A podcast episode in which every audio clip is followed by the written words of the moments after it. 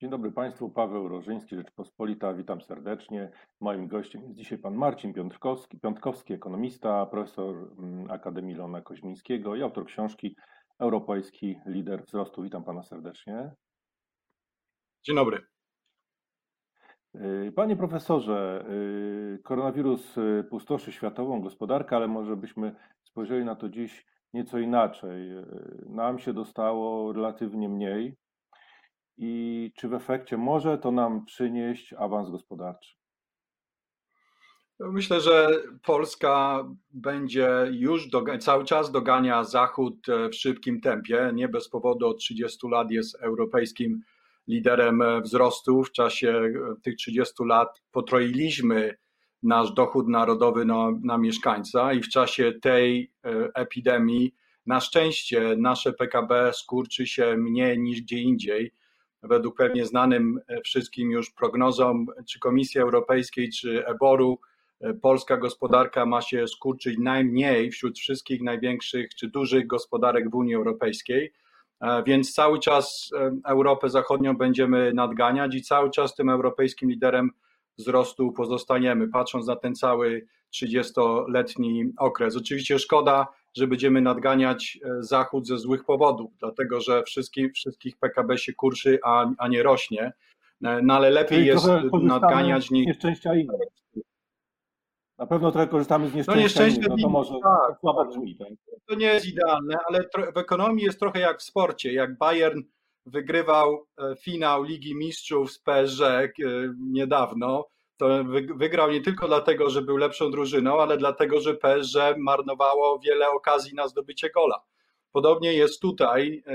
My wygramy niestety dlatego, że u innych, jak we Włoszech czy w Hiszpanii, PKB w tym roku na głowę spadnie o 10%, a może i więcej, a, a u nas e, o wiele mniej, o 4% albo i mniej. Więc ze złych powodów, ale dalej tą, dalej Europę Zachodnią będziemy nadganiać, że przede wszystkim te kraje e, południa Europy co do, co do których, które nadgonimy o wiele szybciej niż nam się wydawało.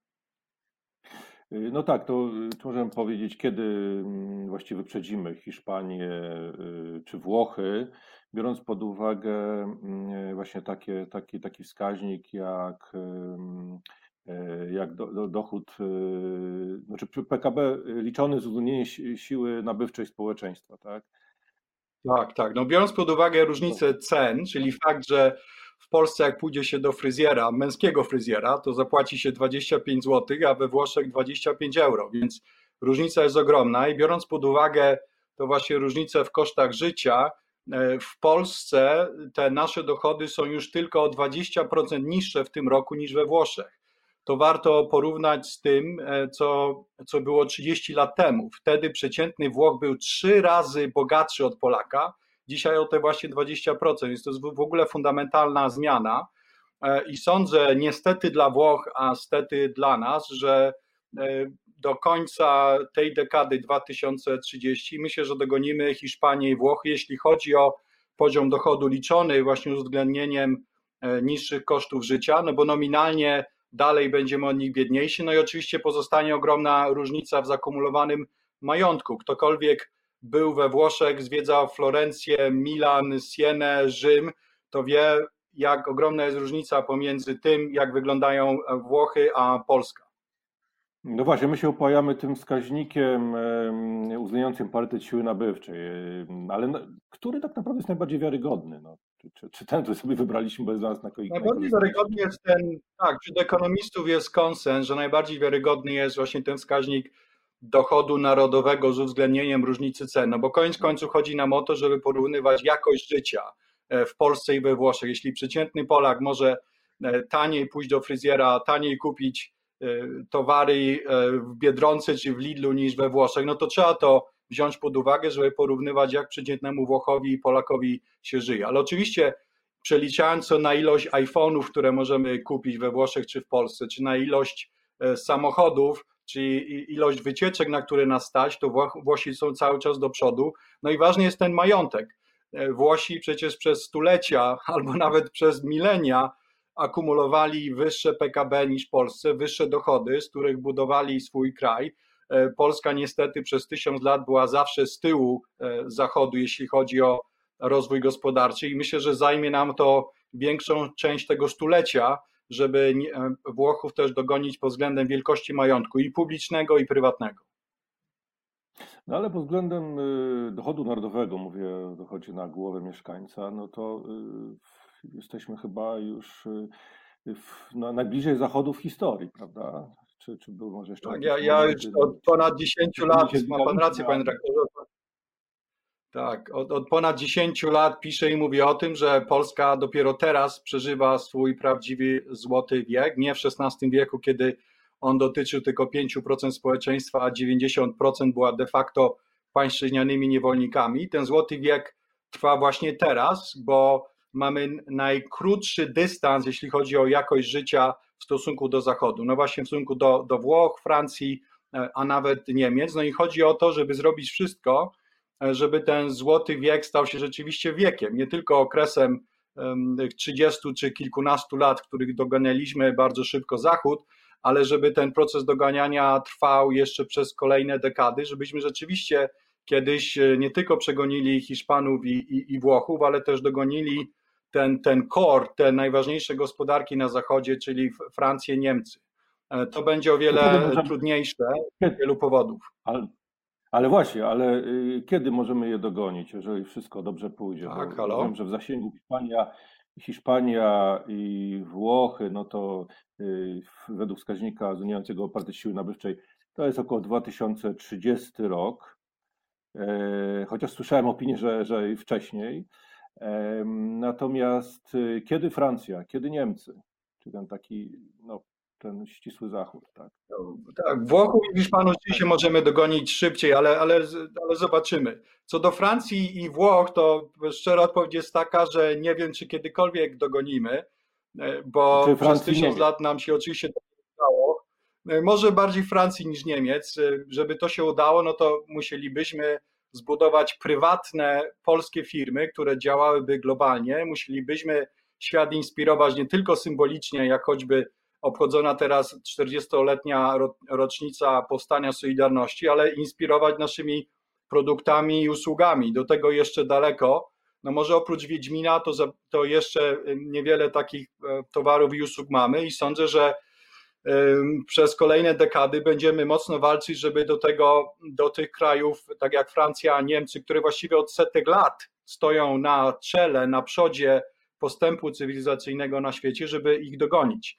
Dobre wieści jednak są takie, że ja jestem przekonany, że jeszcze przez dekadę, co najmniej do 2030 roku, będziemy i Francję, i Niemcy w szybkim e, tempie doganiać. Sądzę, że dojdziemy do poziomu około 80 dochodu w tamtych krajach, to będzie zdecydowanie najwyższy poziom dochodu w całej naszej historii, a potem zobaczymy. Będzie zależało dużo od tego, ile będziemy inwestować w naukę, ile będziemy inwestować w innowacje, czy uda nam się poradzić z innymi wyzwaniami, jak choćby demografia.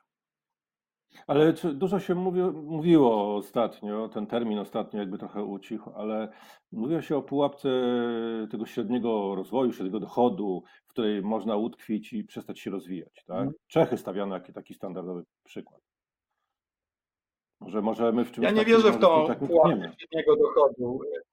Wśród, wśród ekonomistów ta pułapka średniego dochodu ma złą opinię. Myślę, że to jest bardziej fakt medialny niż akademicki czy naukowy, no ale on ma tą przewagę i tą korzyść, że e, wzmaga, czy raczej wzmacnia tą debatę o źródłach wzrostu i o tym, co zrobić, żeby takie kraje, którym póki co się udało, jak Polsce, żeby cały czas ten e, Zachód doganiały i go kiedyś dogoniły. I to jest bardzo trudne, bo jak patrzymy na historię gospodarczą, to znowu przez ostatnie kilkaset lat jest raptem kilka krajów, które utrzymały swoją przewagę. Niemcy, Francja, Wielka Brytania, Szwecja, od niedawna Ameryka czy Japonia i nikt właściwie tak do końca nie może do nich e, doszlusować, więc e, to będzie, to będzie cały czas trudne. Polska, myślę, w tej pułapce średniego dochodu e, nie jest, no bo trudno przez 30 lat być europejskim liderem wzrostu, który swoje PKB zwiększył razy 3 na głowę i mówi, że jesteśmy w jakiejś pułapce, ale cały czas nam wiele potrzeba, żeby, żeby dogonić. A żeby Niemcami być, to jak powtórzę, to nie wiem, czy nam się kiedykolwiek uda. Na razie róbmy swoje. Inwestujmy w naukę, inwestujmy w innowacje, inwestujmy w imigrację, w otwarcie Polski na, na studentów młodych, inteligentnych, energicznych z biedniejszych krajów świata, tak żeby zasypać demograficzny deficyt, tą dziurę, która narasta. I sądzę, że, że w tym stopniowym, stopniowo będziemy Zachód nadganiać. To, to się rozwijamy w ostatnich dekadach, no to sporo na ten odpowiadano. No, wiemy, że ta tania siła robocza na pewno nam pomaga, ten głód, aspiracje polskiego społeczeństwa. Można by długo y, wymieniać, ale tak naprawdę proszę powiedzieć, dlaczego udaje nam się mm, mocno nadrabiać w takich trudnych czasach y, recesji? Dlaczego udaje nam się te, mm, te trudne kryzysy gospodarcze światowe, które się pojawiają, przechodzić w miarę suchą stopą. Na mhm. przykład w 2000 roku no, chwaliliśmy się, że jako jedyni właściwie w Europie y, nie, nie zanotowaliśmy recesji. I teraz mamy również dużo mniej jesteśmy dotknięci niż inne kraje. Z czego to wynika? No, żadna analogia nie jest idealna, ale posłużę się jeszcze raz tą analogią piłkarską. Polska gospodarka jest jak Bayern Monachium. Ma ma e, mocnych, zdolnych zawodników, czyli polskich przedsiębiorców, którzy wielokrotnie udowodnili, że potrafią się do tych szoków dostosować. Mamy polskich konsumentów, którzy e, się nie boją kryzysu i jak widać na ulicach w Polsce wszędzie e, cały czas pieniądze wydają. Mamy dobrą taktykę, bo wielkość tarcz antykryzysowych i stymulacji fiskalnej, jako Polska ma, to jest jedna z największych wsparć dla firm e, i zachowania miejsc pracy w regionie i w Unii Europejskiej. Bardzo dobrze się tak stało. E, no i po trzecie, rząd też nie popełnił żadnych e, katastrofalnych błędów w czasie walki z pandemią, a odwrotnie, wiele jego decyzji była bardzo pozytywna dla gospodarki. I ogólnie, i co najważniejsze, od 30 lat cały czas udowadniamy, że jesteśmy super konkurencyjną gospodarką. To nie jest mamy takie mocne ekonomiczne mięśnie i nie jest przypadkiem, że przez kolejny kryzys przechodzimy lepiej niż inni z wielu różnych powodów. Mamy bardziej też zdywersyfikowaną gospodarkę, mamy cały czas ten głód materializmu i, i parcia do przodu, ale również dlatego, że cały czas jesteśmy za innymi. Poziom wydajności pracy w Polsce to jest niewiele ponad połowa tego, co w Niemczech, i cały czas możemy się rozwijać, pożyczając i kupując pomysły od innych i robiąc to samo, tylko taniej. No ale z drugiej strony dużo się mówi o biurokracji, o pętach y, y, na, na, na, na przedsiębiorcach, którzy jednak no, nie mają tak łatwo jak na przykład w Estonii, tak? Y, I, i, I jak to wszystko, te sprzeczności pogodzić, proszę powiedzieć. Tak, no ja jeszcze nie, pozna, nie poznałem w życiu przedsiębiorcy, który by nie narzekał na klimat dla biznesu, mimo że w międzyczasie został milionerem, a, nie, a, a czasami miliarderem. Więc Oczywiście rolą przedsiębiorców jest narzekanie na klimat e, dla biznesu i warunki do prowadzenia działalności gospodarczej. Rolą rządu jest odpowiadanie e, na to i, e, i sprawianie, żeby przedsiębiorcom żyło się lepiej. Sądzę, że Polska przez te 30 lat bardzo wiele zrobiła, bo przecież na początku lat 90. ten nasz klimat dla biznesu wyglądał zupełnie inaczej, oczywiście gorzej ale teraz jeszcze wiele jest do zrobienia, jeśli chodzi o zakładanie firm, jeśli chodzi o codzienną e, działalność, jeśli chodzi o rejestrację własności, zdobywanie pozwoleń na budowę itp. itd.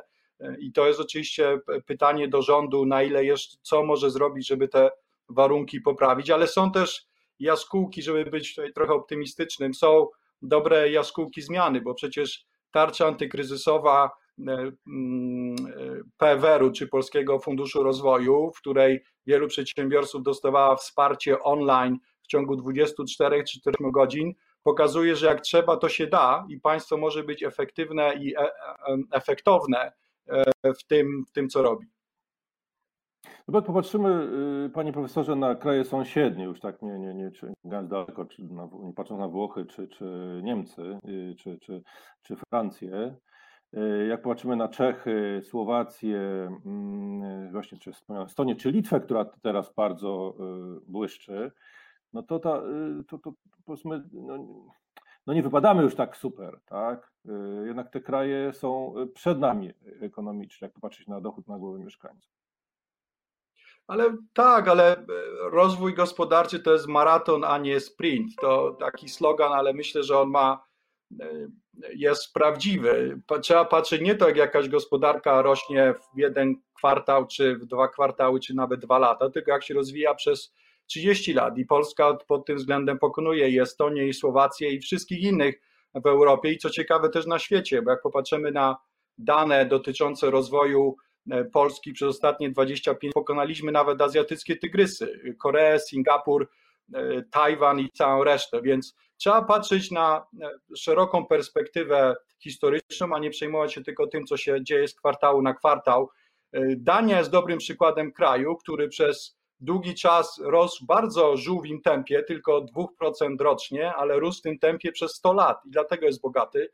Więc chciałbym, żeby Polska nie miała takiej sinusoidy wzrostu gospodarczego, że raz szybko rośnie, raz e, spada, ale żeby systematycznie i stopniowo budowała e, swój dochód i do tej pory e, wzmacniała i budowała tak i, swój dochód i, i myślę, że do tej pory byliśmy na dobrej drodze. No tak, ale teraz pojawiają się no, potężne zagrożenia, no bo y, ta ochrona przed kryzysem jest bardzo kosztowna. No, długi rosną no, w sposób przerażający w tej chwili. Mamy też problemy demograficzne. Na pewno mógłby Pan teraz y, powiedzieć o wiele, wymienić wiele innych y, problemów, które polska gospodarka napotka. Czy no, nie będzie tak, że się na którymś poślizgniemy jednak w najbliższych latach?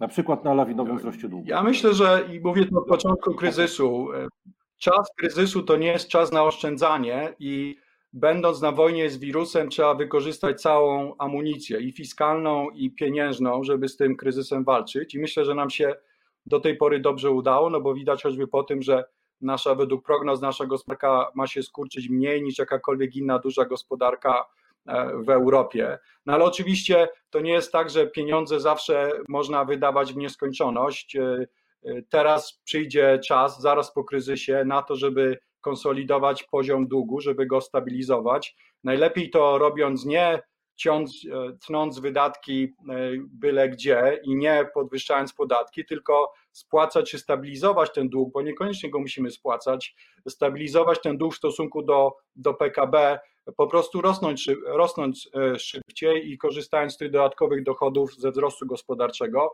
Fakt, że mamy bardzo niskie koszty finansowania długu publicznego, według mnie to są najniższe koszty w całej naszej tysiącletniej historii, bo przecież na 10 lat nasz rząd może się zadłużyć po, po koszcie niewiele wyższym od 1%, to pokazuje, że i pewnie się to jeszcze przez kilka lat nie zmieni, jest szansa na to, żeby wyrosnąć z tego długu i powinniśmy prowadzić taką politykę, która najpierw stabilizuje, a później stopniowo zmniejsza ten dług publiczny już po kryzysie.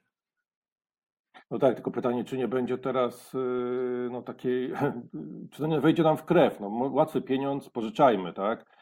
To się nie, nie, nie skończy no, dramatycznie, tak? Pewnego dnia, jeżeli stracimy nad tym kontrolę. Tak, to jest ryzyko, ale powtarzam, to jest pandemia, to jest kryzys, to jest ta czarna godzina, w której musieliśmy wydawać te zaskórniaki, pieniądze, które akumulowaliśmy wcześniej. Wbrew temu, co wielu mówiło, że jak zwiększymy nasz deficyt powyżej 100 miliardów złotych, a nawet nie daj Boże 200 miliardów, gdyby wliczyć wszystko, to skończy się to końcem świata i drugą Grecją. Okazało się to nieprawdą. Rentowności naszego długu spadły, a złoty się wzmocnił, czyli dokładnie odwrotnie niż niż niby w takim scenariuszu miało się wydarzyć. Więc myślę, że na razie dobrze wykorzystaliśmy naszą e, politykę fiskalną i pieniężną też, i to trzeba docenić rolę NBP, które było bardzo pragmatyczne. No ale oczywiście, co za dużo to niezdrowo i trzeba powoli przechodzić do e, nie znowu, nie cięcia wydatków e, publicznych, ale stabilizowania długu i później stopniowego jego zmniejszania, najlepiej na, na ścieżce wzrostu gospodarczego. W tym roku oczywiście się skurczymy i trudno żeby ten, ta stymulacja fiskalna się skończyła, ale w, ale w przyszłym, jeśli będzie odbicie gospodarcze, a sądzę, że będzie, to będzie nam łatwiej ten dług ustabilizować. Ale co, co będzie, panie profesorze, jeżeli tego odbicia nie będzie, bo my wszyscy zakładamy tu jakiś jednak pewien optymistyczny scenariusz, a jeżeli ta druga fala no, powoli się staje faktem jednak, jeżeli ona jeszcze bardziej e, pogorszy sytuację, będzie gorsza niż myślimy i ona się jeszcze przeciągnie, no to już będziemy mieli jednak kłopot. Tak, to, to prawda. Nikt nie wie, jak naprawdę będzie, czy będzie to druga fala, czy jej nie będzie, i jak i jaka będzie ilość zakażeń. Też tutaj nie jestem ekspertem, ale myślę, że te, te, ta fala, druga fala w cudzysłowie będzie zupełnie inna niż pierwsza fala, dlatego że wtedy byliśmy ją, nią zaskoczeni, nie byliśmy na nią przygotowani, nie mieliśmy łóżek w szpitalach, nie mieliśmy respiratorów, nie mieliśmy szczepion, nie mieliśmy testów. Teraz to już wszystko mamy, więc ta, ta fala będzie trochę inna, że Polacy już się do, przyzwyczaili, niestety nie wszyscy i nie zawsze, do obreń, więc w scenariuszu zupełnie najgorszym, czarnym strzału, dużą rolę będzie miała polityka pieniężna, bo NBP nigdy amunicji nie zabraknie, można drukować czy emitować złote na wsparcie polskiej gospodarki, e, ile się da. I myślę, że wtedy jeśli już nie będzie to możliwe, żeby tylko działać polityką fiskalną, chociaż cały czas ona powinna gospodarkę stymulować, to ciężar te, tej walki przejdzie na NBP, ale cały czas nie widzę, myślę, że to jest mało prawdopodobny scenariusz, patrząc ale na to, co się w światowej... Hmm? Ale nie tak. widzi Pan y, tej granic, y, jeśli chodzi o drukowanie złotówek przez NBP? Właściwie może ile potrzeba tych pieniędzy wy, wy, wydrukować, to jednak są jakieś zagrożenia jednak. No. Tak, są zagrożenia, ale myślę, że się fundamentalnie zmieni, w ciągu ostatnich 10 lat od ostatniego kryzysu fundamentalnie się coś zmieniło e, w światowej gospodarce. Przecież globalne banki, amerykański, e, amerykańska Federalna Rezerwa, Europejski Bank Centralny e, wyemitowały już wcześniej biliony dolarów i euro i żadnej z tego inflacji nie było. Wielu ją przewidywało. Podobnie teraz wyemitowano jeszcze więcej pieniędzy. Chodzi o to, że te pieniądze grzęzną na giełdach e, i, i na, w rezerwach banków, a one się niestety, bym powiedział, niestety nie przekształcają w popyt. Po prostu konsumenci nie chcą więcej kupować, a przedsiębiorcy nie chcą inwestować, więc dopóki y, nie będzie inflacji, dopóki nie będzie tego wpływu y, mm, takiej luźnej polityki pieniężnej na, no, na popyt. Na razie popyt niestety się kurczy. Jeśli się kurczy, trzeba z no tym no walczyć i zastępować go popytem publicznym. No tak, no panie profesorze, właśnie, no, to wspomniał pan właśnie o tym, że, że, że to się kumuluje na giełdach, te, te, te, aktywa giełdowe czy surowcowe, często one rosną w takich sytuacjach. No na giełdach y, być może tworzą się już bańki w tej chwili. No to, co mamy w Stanach Zjednoczonych, to już wygląda na prawdziwe szaleństwo. Y, pan na co dzień y, urzęduje w Chinach, w biurze w Pekinie. Czy też tam widać y, te pęcznienie tych, tych, tych aktywów giełdowych. Czy to nie jest niebezpieczne? Może tutaj za chwilę y, dojdzie do jakiejś eksplozji i, e, i to pogrąży gospodarkę, tak jak y, bywało to w, podczas poprzednich kryzysów. Jest, jest prawdą, że giełdy całkowicie się odłączyły od realnej gospodarki i to, to że amerykańska, amerykańskie indeksy biją rekordy w tym samym czasie, w której amerykańska gospodarka spada cały czas w taką otchłań e, ekonomiczną. To jest oczywiście wielki znak zapytania i myślę, że rzeczywiście jest spowodowany tą luźną polityką pieniężną. Ale co by, gdyby te giełdy spadły? No, no tak, może bylibyśmy e, zwiększenie kryzysu, bo to wpłynie na decyzje momentów amerykańskich i europejskich, ale dopóki będzie ta luźna polityka pieniężna i dopóty nie będzie lepszych miejsc na inwestowanie, no bo dzisiaj przecież depozyty w Polsce to jest 0% w Ameryce czy w euro, to nie wiadomo, kiedy ta, ta bańka pęknie i też nie wiadomo, czy banki centralne, tak jak wcześniej, nie będą starały się zrobić wszystko, żeby jednak do tego pęknięcia nie doszło, przynajmniej do tego czasu, w którym ruszy realna gospodarka i na to jest szansa, bo ona ruszyła w przyszłym roku. Dziękuję panu bardzo za rozmowę. Moim gościem był pan Marcin Piątkowski, ekonomista, profesor Akademii Leona Koźmińskiego i autor książki europejskiej Lider Wzrostu. Bardzo panu dziękuję. Dziękuję bardzo.